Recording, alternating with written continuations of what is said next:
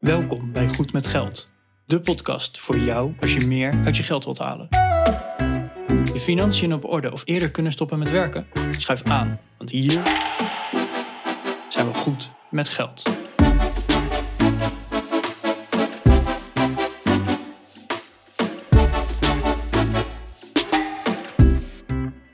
Aflevering 76 van de Goed met Geld podcast. Ik ben Bas En ik ben Arjan. En vandaag in de studio hebben wij een gast. Hij verdiende op zijn zestiende al behoorlijk goed. Voor zijn twintigste kocht hij zijn eerste woning en nu nou, heeft hij een koopwoning, belegt hij in dividendaandelen, verloor hij heel veel geld op de beurs in de coronacrisis en is hij net als ZZP'er begonnen. Welkom in de studio, Henk. Hoi, goedemorgen. Goedemorgen. Goedemorgen Henk. Ja, eh, we hebben al kort even voorbesproken. Eh, maar onze luisteraars kennen jou nog helemaal niet. Eh, je hebt ons een e-mail gestuurd van... joh, ik heb ondertussen in, in mijn eh, korte leven zo far al zoveel meegemaakt... dus eh, het lijkt me gaaf om een keer mee te praten. Ja, Eh, maar voor onze luisteraars, zou je je even kort kunnen introduceren? ik ben Henk Kastrikum, 26 jaar, van jongs af aan bij Tata Steel aan het werk gegaan. Op dat moment wist ik al vrij vroeg van, ik moet iets gaan doen met het geld wat ik verdien. Want dat geeft mij bepaalde vrijheden als ik straks wat ouder ben. Oké, cool. Dus hoe, hoe oud was je toen, je toen je begon met werken?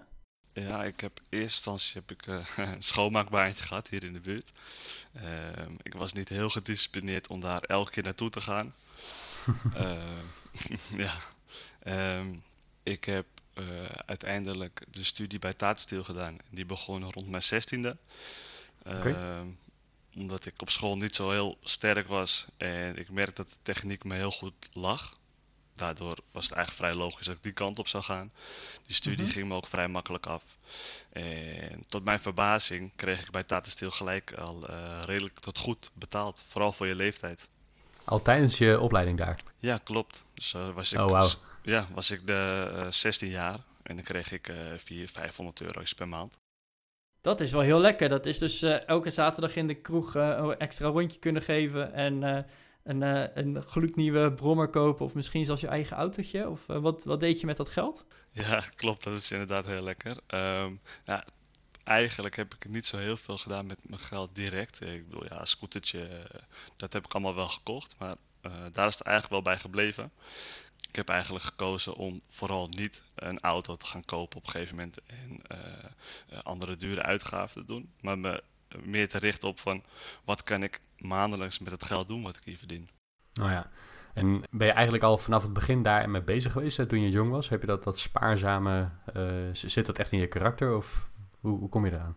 Nou, Het was meer dat ik elke maand geld overhield. Dat ik dacht van, hé, hey, wat ga ik hiermee doen? Weet je, als je dan 16 jaar bent en je krijgt 500 euro's per maand. Nou, ik woonde gewoon bij mijn ouders natuurlijk. eh, ik had Hmm. bijna geen vaste lasten. Ik merkte gewoon van, hé, hey, ik hou elke maand geld over. Wat ga ik daarmee doen? Wat kan ik daarmee doen? Dat is vooral eh, een eerste vraag die je hebt. Wat kan ik ermee doen? Want je hebt geen idee nog. En waar begon je toen? Ik weet nog wel dat ik begon bij een rekeningetje op Alex was het toen nog. Voor mij is het inmiddels van Bink geworden. Eh, Mhm. Je betaalde echt onwijs hoge commissiekosten eh, per aankoop en verkoop. Maar dat wist ik toen nog helemaal niet. Dus ik had eh, op een gegeven moment denk ik, drie, 400 euro's gestort op die rekening. En dan ging ik op de AX ging ik aandeeltjes uitkiezen. En dan kocht ik ook gewoon voor 20 euro kocht ik dan eh, bijvoorbeeld PostNL aandeeltjes, weet je wel. Dus dan had ik er maar drie en de rest was commissiekosten. Dus ja, eh, in het begin, je hebt geen idee wat het inhoudt natuurlijk. En ik kan me ook, als ik er terug op kijk, hebben de eigenlijk de eerste twee en drie jaar hebben alleen maar gekost. En dat zijn dan wel door eh, voornamelijk echt commissiekosten geweest. Nou ja, maar goed, daar leer je natuurlijk wel eh, van. En inmiddels eh, denk ik dat je op een andere manier belegt. Ook voor de luisteraar thuis, hè. het is helemaal niet erg als je net begint met beleggen en als je dat dan wat geld kost. Vaak begin je namelijk niet met supergrote bedragen. Dus het leergeld dat je dan betaalt, dat is wat goedkoper dan wanneer je die fouten blijft maken. Ja. Dus je bent eigenlijk al op je nou ja, 16e, 17e misschien wel eh, begonnen met beleggen. Heb wat fouten in gemaakt, maar in elk geval wel nou eh, stap 1 wat spaarzaam. Hè? Je hield geld over, je gaf niet alles uit. Stap 2, je dacht van hey, hoe kan ik dat geld aan het werk zetten? Be- Beleg je nog steeds? Hoe, hoe, hoe pak je dat nu aan? Ehm, na de, uh, dat de jaren een beetje vorderden, ben ik eigenlijk uh, een beetje gaan kijken van uh, wat doe ik nu en wat zijn mijn resultaten nu. en dat was voornamelijk wel een eye-opener. Mm -hmm je zag gewoon dat ik daarin veel te veel risico's nam. Omdat je uh, basisbedrag relatief klein is. Nou, uh, het eerste jaar was hij misschien om nabij uh, 3000 euro. Neem je ook gauw wat meer risico's. Ik kocht bijvoorbeeld op een goed verhaal van goud of zilver, kocht ik een sprinter long. En dat is een speculatie mm. dat hij omhoog gaat. Maar wel met een dusdanige hefboom. Dat als het goed uitpakt, dat je wel 300, 400 procent zou kunnen verdienen. Maar als je maar een klein beetje mm. de andere kant op ging, was je wel in één keer alles kwijt. Weet je dat ingelegd? Ja, ja, ja. ja je moet eigenlijk wel goed weten wat je doet als je met dat soort producten gaat beleggen. Ja. Ja, dat is misschien ook wel even goed om, om de producten zelf uit te leggen. Hè? Want juist in de Goed met Geld podcast proberen we iedereen een klein beetje beter te maken met geld en, en met al dat soort producten. Dus wat je eigenlijk doet, is gokken op de toekomst. Ja. En in zo'n zo'n sprinter, dan ga je eigenlijk bepalen van... oké, nou, stel hè, goud, dat kost nu uh, eh, 1000 euro. En nou, je, je legt dan vervolgens in en met zo'n sprinter dan heb je een hefboom. En met die hefboom eh, kan je vervolgens uh, deels met geleend geld uiteindelijk dat goud uh, kopen. En stel inderdaad dat het dan uh, naar de 1100 gaat, dan, ja, dan maak je gewoon dikke winst. En met dat geleende geld, dat betaal je dan uiteindelijk gewoon terug. Maar de winst is uiteindelijk voor een groot deel voor jou. Maar stel nou dat het minder waard wordt, dan heb je dus met een voor een groot deel geleend geld dat goud gekocht. En dan maak je verlies op jouw geleende geld. En ja, dan ben je dus heel snel die winsten kwijt. Nou, dat kan. Uh, hè, je, hebt, je hebt ook nog verschillende opties dat je uh, kan speculeren van hé, hey, ik verwacht dat het gaat stijgen of gaat dalen. Waardoor anderen vervolgens het tegen een goedkopere prijs of juist die duurdere prijs alsnog kunnen kopen of verkopen. Dus op die manier zijn er heel veel speculatieproducten op de beurs beschikbaar als je geluk hebt, want ik, ik persoonlijk vind ik het redelijk gokken. Ik weet niet of jij dat uh, met me eens bent, Henk. Volkomen mee eens. Ja, het is dus redelijk gokken uh, op de toekomstige waarde van goud of een aandeel. Of hè, verzin het maar.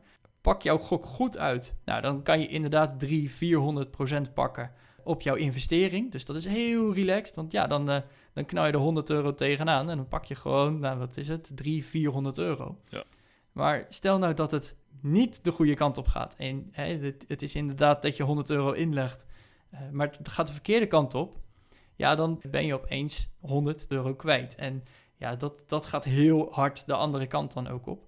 Ja, je verliest gewoon je inleg. Je hebt zeg maar met een sprinter, stel je voor je investeert 100 euro, dan uh, kan die wel weg, helemaal, maar niet negatief. Zoals met bijvoorbeeld een... Uh, Als je opties hebt. Ja, snap je? Het, het is alleen je, je Kijk, als je voor je speculeert met de goudprijs van 1000, dan is je stoploss aan de onderkant is 950 en je, en je stoploss naar boven is dan bijvoorbeeld uh, uh, 1300. Dus dat je bij een heel klein beetje naar beneden ben je heel snel je 100 euro kwijt. En naar boven toe heb je natuurlijk je positieve rendement. Ja, die risico's die zijn een beetje afhankelijk van het product waar je, uh, wat je op dat moment koopt, het beleggingsproduct dat je op dat moment koopt. Ja, we geven in principe geen financieel advies hier in de podcast, maar eh, mijn advies zou misschien toch wel een beetje zijn, blijf bij dat soort producten weg. Tenzij je van tevoren al weet van, nou, ik, het is speelgeld, ik ben bereid om het te verliezen, ik neem een gokje. Ik zie dit niet als een, als een structurele langetermijn belegging in elk geval. Ik begin er niet aan. Oké, maar hey Henk, eh, beleg je dan nog steeds in zulke producten?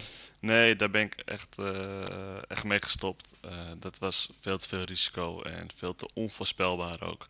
Aandelen zijn sowieso onvoorspelbaar. Er hoeft maar een uh, tweet van Trump op Twitter te komen en de resultaten zijn ervan afhankelijk. Mm -hmm. Laat staan met zo'n sprinter dat is natuurlijk heel kort termijn gedacht. Dus nee, ik, uh, ik koop nu voornamelijk grote concerns, grote bedrijven met een dividendrendement. dat herinvesteer ik ook. Ehm, ik heb een aantal voorwaarden waarvan ik zeg, nou ja, als ik aandeel selecteer, dan moet die minimaal zoveel keer de winst gewaardeerd zijn. Mag je niet meer dan 40, 50 procent schulden hebben, tenzij schulden een deel van hun business is. Dat is een ander verhaal, bijvoorbeeld bij banken. Ja, een aantal van die voorwaarden waarvan ik denk, nou dat zijn wel vrij stabiele bedrijven. Daar investeer ik mijn geld in. En dan kijk ik er ook niet echt meer dagelijks naar van hey, hoe gaat het nu, hoe gaat het eh, wat zijn de voorspellingen vooralsnog, dan kijk ik misschien één keer in de zoveel maanden naar een specifiek aandeel. Ja, want kan je, kan je heel kort uitleggen, want ik hoor hierin dat je een strategie gebruikt, die, die heet ook wel een beetje dividend beleggen. Ja. Kan je dat kort uitleggen? Wat is nou het doel bij dividend beleggen? Uh, ja, dividend beleggen is voornamelijk om te kijken van is dit bedrijf uh, in staat om continu dividend te betalen of zelfs te verhogen elk jaar. En dan kijk je dus voornamelijk naar uh, de payout ratio, dus hoeveel van de inkomsten betalen ze uit in dividenden. En hoeveel schulden hebben ze, want anders moeten ze misschien eerst die schulden afbouwen, et cetera. En als je echt goede dividendbedrijven hebt, die hebben bijvoorbeeld al een record van 20, 25 of zelfs 50 jaar, waarbij ze al uh, jaarlijks een dividend uitkeren en zelfs verhogen. Dus dat zijn eigenlijk onwijs interessante aandelen. Ja, en, en wat voor aandelen, zonder dat we beleggingsadvies geven hier, maar wat voor aandelen moeten we denken dan waar jij bijvoorbeeld in uh, belegt? Nou ja, algemeen bekend is dat uh, Coca-Cola een hele goede dividendaandeel is een Heineken heb ik. Maar ik heb ook wat minder uh, stabiele uh, dividenduitkeren zoals een ING of ASR. Dat zijn nog wel uh, bedrijven waarvan ik zeg van nou ja, die schulden vallen mee. die winsten zijn jaarlijks iets hoger. Ja, en daar kijk ik voornamelijk naar als ik zo'n aandeel koop. Mm -hmm. Ja, dus wat je inderdaad ziet bij zo'n zo'n dividendstrategie is dat je gaat zoeken naar aandelen waarbij de bedrijven die betalen dividend uit. En dividend is dus eigenlijk een uitbetaling naar de aandeelhouders, uh, wat eigenlijk vaak een, een, stuk winst is van dat bedrijf. En bij zo'n dividendstrategie ga je heel erg kijken, oké, welke bedrijven betalen standaard eigenlijk een, een deel van hun winst uit. En gebruiken dus die winst niet om uh, nog verder te investeren, om uh, nog groter te worden, om nou, verder te groeien. Als, je, als je kijkt naar alle opkomende bedrijven, zoals de, de, de thuisbezorg, de Uber, de Netflix, die zijn heel erg bezig met verder groeien. En misschien betalen ze wel een klein beetje dividend uit, maar het grootste deel van hun winst gebruiken ze om nog verder te groeien. Uh, dus dat zijn echt bedrijven die meer waarde willen creëren en dus geen winst uitkeren aan de investeerders. Ja, dat is natuurlijk ook wat je uh, uh, zelf moet afwegen. Kijk, als het bedrijf een deel van hun winst teruggeeft, wat ga ik met die winst doen? Als ik het ga herinvesteren in het bedrijf, dan is dat mijn, uh, op dat moment mijn beste optie bijvoorbeeld qua rendementsverwachting. Maar als het bedrijf zelf zegt van nou we keren het niet uit, maar we houden het zelf, want wij halen een hoger rendement op dat geld, op die winsten zeg maar, dan heb ik liever eigenlijk dat ze het zelf herinvesteren. Maar ja, het heeft ook wel enigszins waarde voor mij als ik het uitgekeerd krijg. Om dat dan weer een beetje te verdelen over misschien nieuwe aandelen of bestaande aandelen. Ja, want is, uh, is dividend beleggen jouw, enige strategie op dit moment? Nou, ik denk dat uh, voornamelijk mijn beleggingsportefeuille wel 90% gedekt is met echt een dividendstrategie. Oké, en, en die overige 10%, wat doe je daarmee? Ik heb 10% in uh, bijvoorbeeld startups. Dat zijn oh ja. heel hoog risico profiel mm. beleggingen. En uh, daarvan uh, ga ik er ook eigenlijk vanuit van, nou, ik leg daar wel wat geld in. Maar ik verwacht op korte termijn zeker niet. En op lange termijn hopelijk een goed rendement.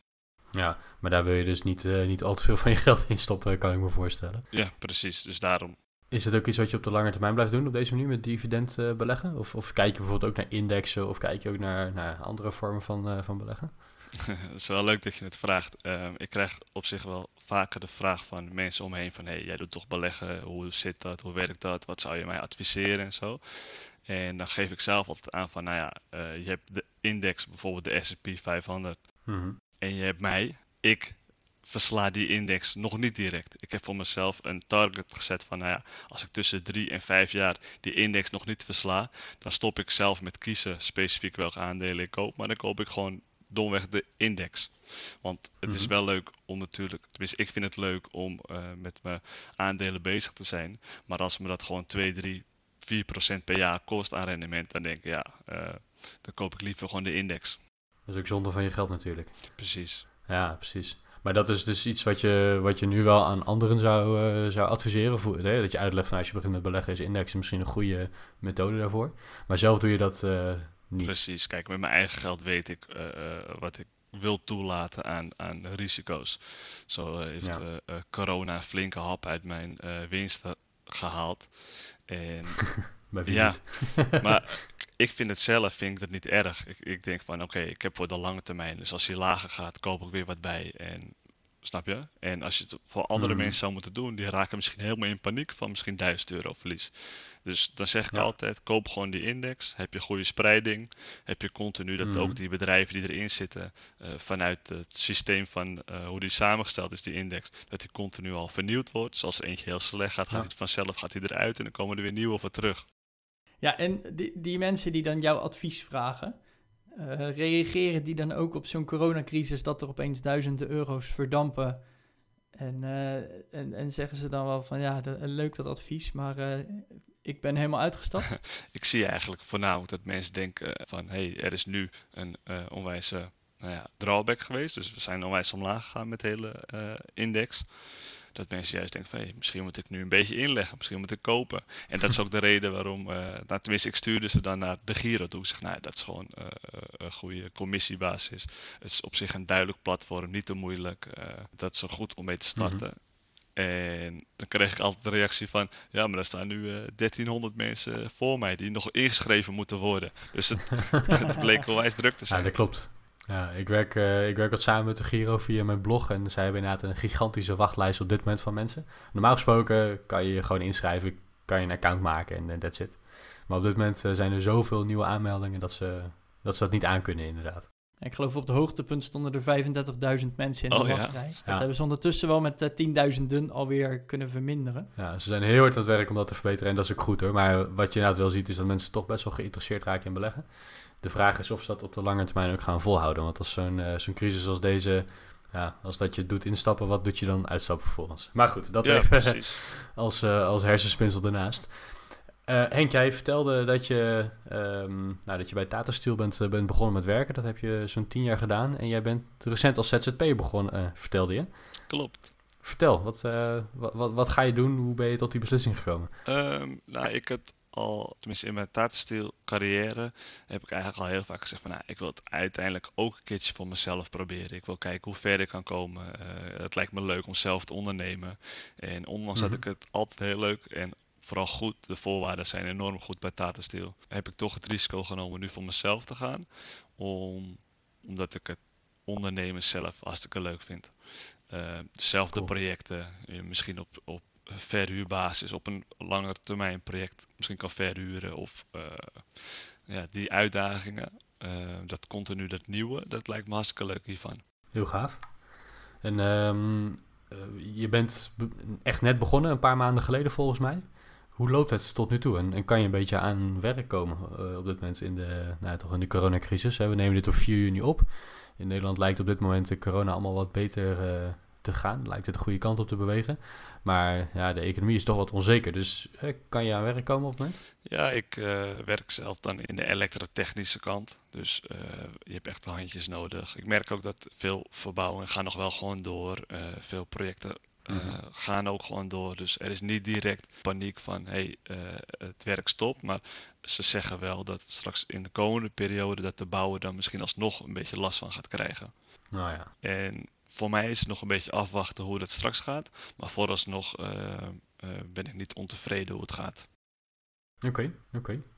Je bent nu voor jezelf begonnen. Eh, heb jij de strategie om op een gegeven moment te gaan stoppen met werken? Of minder te gaan werken misschien? Of waar werk je naartoe? Nou, ik heb altijd eh, mijn collega's binnen Tata Steel gek gemaakt met... eh, ja, ik ga voor mijn veertigste met pensioen en ik heb het zo en zo allemaal uitbedacht. Ik investeer hier al mijn geld, ik investeer zo op die manier. En toen werd ik altijd voor gek verklaard. Mhm. Die discussie is trouwens altijd hartstikke leuk met een wat oudere, eh, wat, wat oudere collega. Van hoe je ernaar kijkt, weet je wel. Hun zijn een beetje aan het eind van hun eh, eh, carrière en die willen afbouwen. Mhm.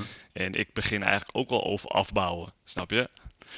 Dus die discussies zijn hartstikke leuk altijd. En eh, Ja, op de een of andere manier ben ik ook wel een beetje overtuigd geraakt dat ik dat ook kan.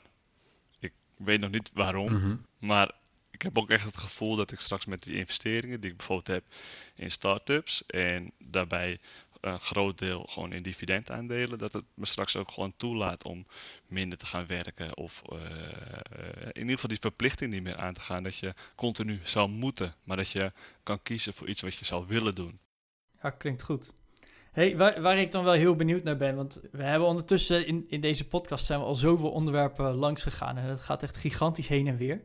Maar waar ik nou nog, ik, ik heb nog een aantal vragen, dus voordat we naar onze vijf vragen gaan, uh, ga ik het gewoon daar nog even over hebben. Want je gaf aan van, nou, hè, ik ben op mijn zestiende eigenlijk al uh, gaan kijken naar aandelen en, en zo verder. Ondertussen ben je dus niet meer in die, in die sprints gaan zitten, want hè, die zijn gewoon te risicovol. Je noemt het zelf inderdaad ook al bijna gokken. Maar goed, inderdaad, je, je bent nu heel erg naar die dividendaandelen uh, gaan kijken en daar zit 90% van je portefeuille in en dan 10% van ja. die startups. Maar hoe selecteer je nou die startups? Want ja, ik, ik vind dat toch wel risicovol. Ik ben zo iemand die nou, nog geen vijf minuten per maand aan zijn aandelen besteedt. Dat is uh, geld overmaken uh, nieuwe indexfondsen aankopen en dan ben ik weer klaar voor de maand. Maar ik denk dat met zo'n start-up, uh, sowieso die dividendaandelen, dat kost gewoon heel veel tijd. Hè? Want je moet door jaarrekeningen heen gaan kijken. Je moet kijken hoeveel hebben ze betaald, wat zijn al die ratio's, wat is de toekomst van zo'n bedrijf. Maar zo'n start-up, dat lijkt me nog veel moeilijker. Kan je daar wat meer over vertellen, hoe je nou zo'n start-up selecteert en, en hoe, hoe dat proces bij jou eruit ziet? Ja, omdat dividendbeleggen op zich redelijk saai is, heb ik daarnaast gekozen om dus echt voor die start-ups te gaan. En, want daar gebeurt natuurlijk veel meer. Uh, ik kijk dan via platformen zoals Leapfunder en Simbit. Dat zijn platformen waar zeg maar uh, start-ups pitchen, waarom, hoe goed ze zijn. Is altijd denk ik een mooier verhaal dan dat het werkelijk is in eerste instantie. Mm -hmm. Weet ik nu achteraf. um, ja, uh, ik beoordeel dan zo'n start-up uh, met hun pitch van uh, de haalbaarheid. welke kosten verwacht ik dat ze moeten maken? Wat voor potentie hebben ze? Is het echt tech-based? Dan is de potentie vaak al snel wat groter. Hè? De kosten zijn laag van een tech-startup, maar mm -hmm. de potentie is heel hoog. niet zo heel kapitaalintensief. En ik kijk ook, nou ja, eigenlijk om eerlijk te zijn, het is dat ik mijn huis heb verkocht met een overwaarde. Heb ik misschien een beetje te veel van mijn geld in start-ups gestopt, onbewust. Ik dacht van, oh, ik heb wat geld over, oh, ik doe nog maar uh, 1000 euro in die start-up, misschien 2500 euro in die. En iets minder beoordeeld van, is dit een echt goede start-up of is dit, vind ik het leuk om hier uh, een deeltje uh, in te kopen. Ja. En mm -hmm. dat heeft ook geresulteerd dat er een aantal van die start-ups zijn ook gewoon failliet. Dat is ook gewoon de waarheid. Ja. Er waren toch die kosten waren te hoog bijvoorbeeld. Als voorbeeld zo'n start-up, uh, Parkfly Rent was dat. Die zou dan uh, zou je je auto kunnen parkeren bij hun als jij op vakantie ging naar een ander land. En dan zouden mensen jouw auto kunnen huren die dan van een ander land hier naartoe komen. Op zich een heel leuk concept, uh, milieubewust ook. Mm -hmm. Alleen die zijn uiteindelijk failliet gegaan omdat die parkeerkosten voor hun veel te duur waren. Voor die opslag van die auto's. Mm-hmm. En dan denk ik achteraf, ja, dat is best wel logisch eigenlijk. Want uh, het is hartstikke duur om zoveel auto's te parkeren. En stel je voor dat ze niet mm. verhuurd worden, dan verdien je zelf ook nog eens niks. Maar je biedt wel een gratis plek aan, weet je wel. Dus mm, zo probeer ik bij een start-up gewoon te beoordelen nou, de haalbaarheid, uh, de potentie, uh, wat ze me bieden. Ja. Ja, want krijg je dan aandelen daarvoor? Of is het een lening die je naar ze uitschrijft? Of wat, uh, hoe, hoe, hoe gaat dat? Nou, omdat je in eerste instantie uh, een start-up kan je niet waarderen. Het is moeilijk om te zeggen van nou, jullie zijn zoveel waard. Want uh, degene ja. die van het bedrijf zijn, die zeggen bijvoorbeeld ja, wij zijn zoveel waard, we, zijn zo, we gaan zo groeien en dit en dat. Maar er is natuurlijk mm. altijd een, een, een plek voor ja, maar wij vinden het, zeg maar de investeerderskant dan, die zegt, ja, maar wij vinden het helemaal niet zoveel waard, want dit is veel te rooskleurig, dat is veel te rooskleurig. Dus het komt erop neer dat je in het beginstadium is het gewoon onmogelijk om een start-up te waarderen. En mm-hmm. dan is het ook niet mogelijk om in aandelen direct te investeren, want niemand weet wat het waard is, in principe. Dus als mm-hmm. jij investeert in een start-up uh, zo jong, dan is het vrijwel altijd een converteerbare lening en dan geef je hun eigenlijk in eerste instantie gewoon je uh, kapitaal. Laten we zeggen dat het 1000 euro is bijvoorbeeld.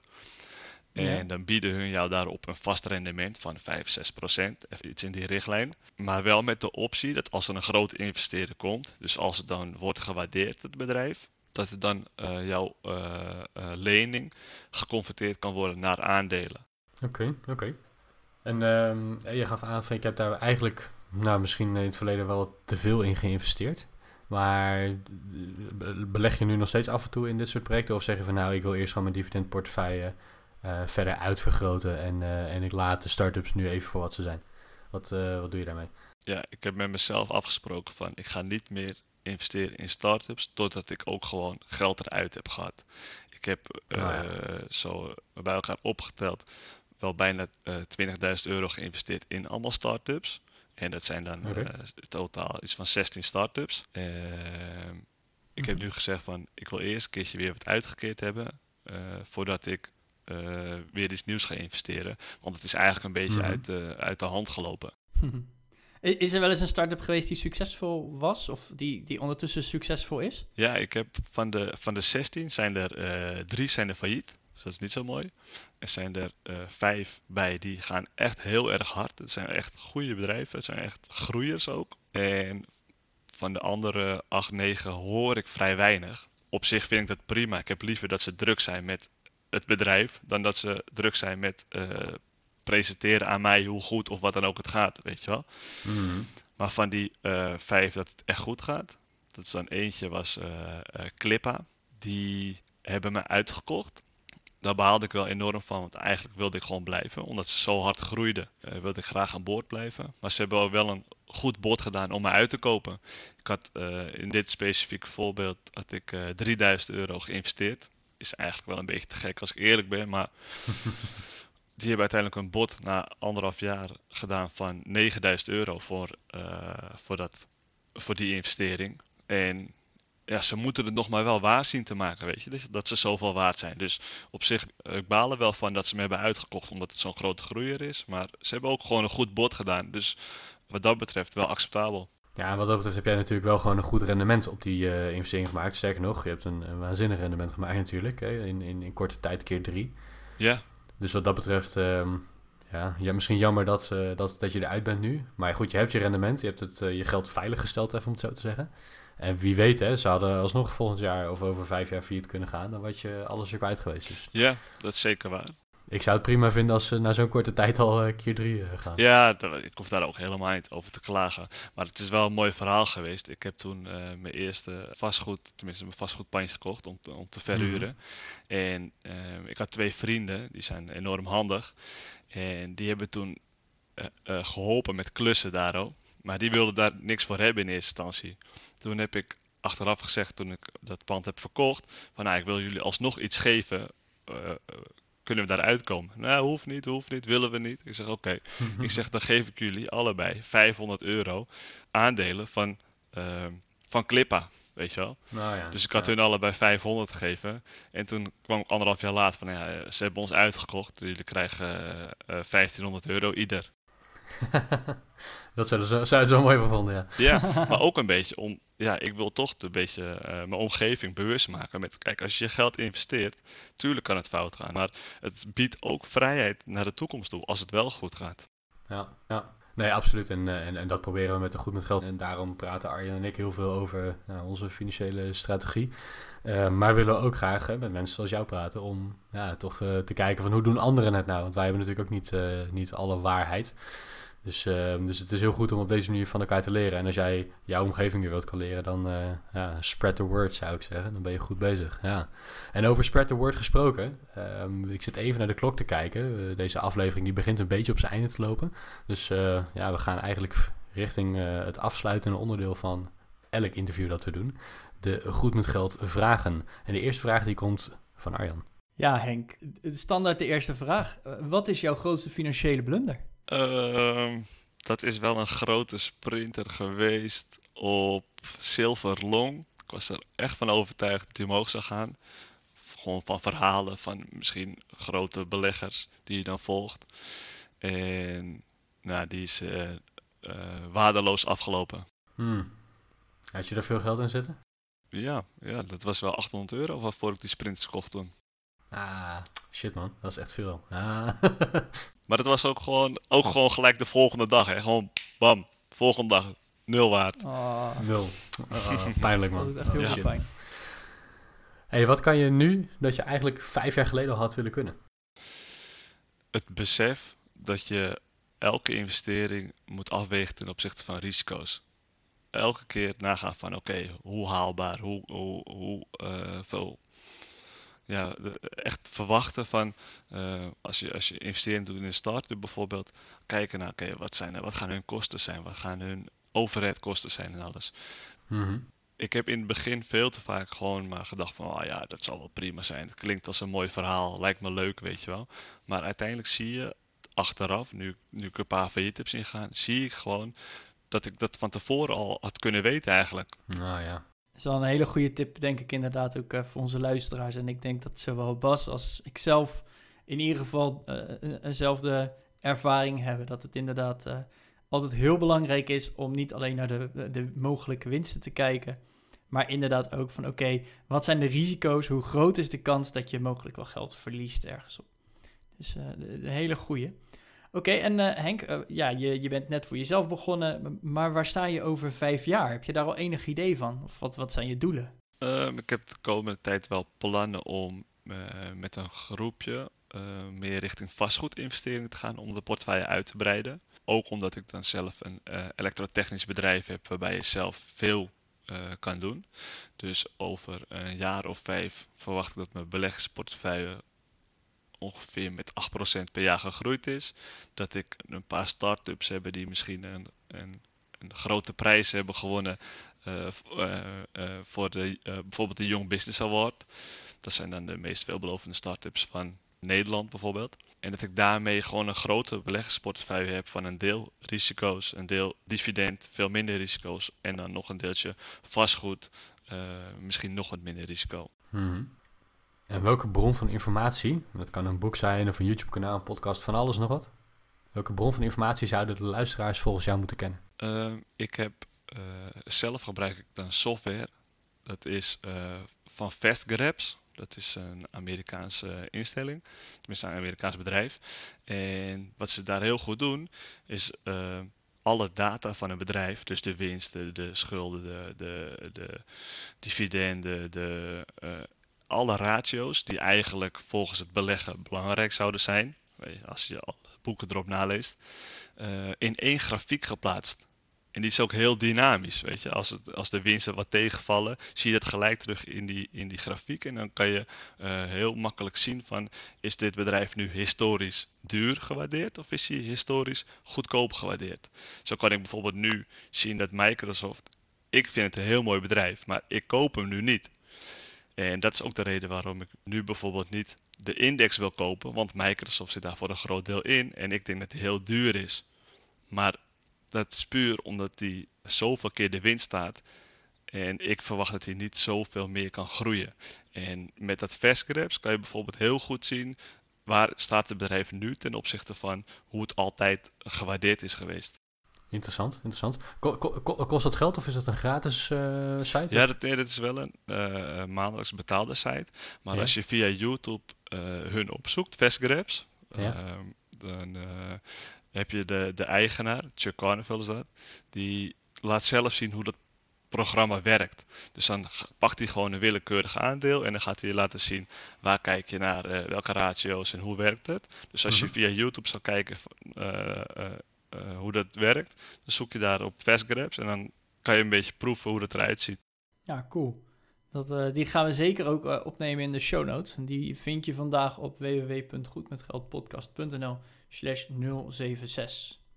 Oké, de laatste vraag Henk.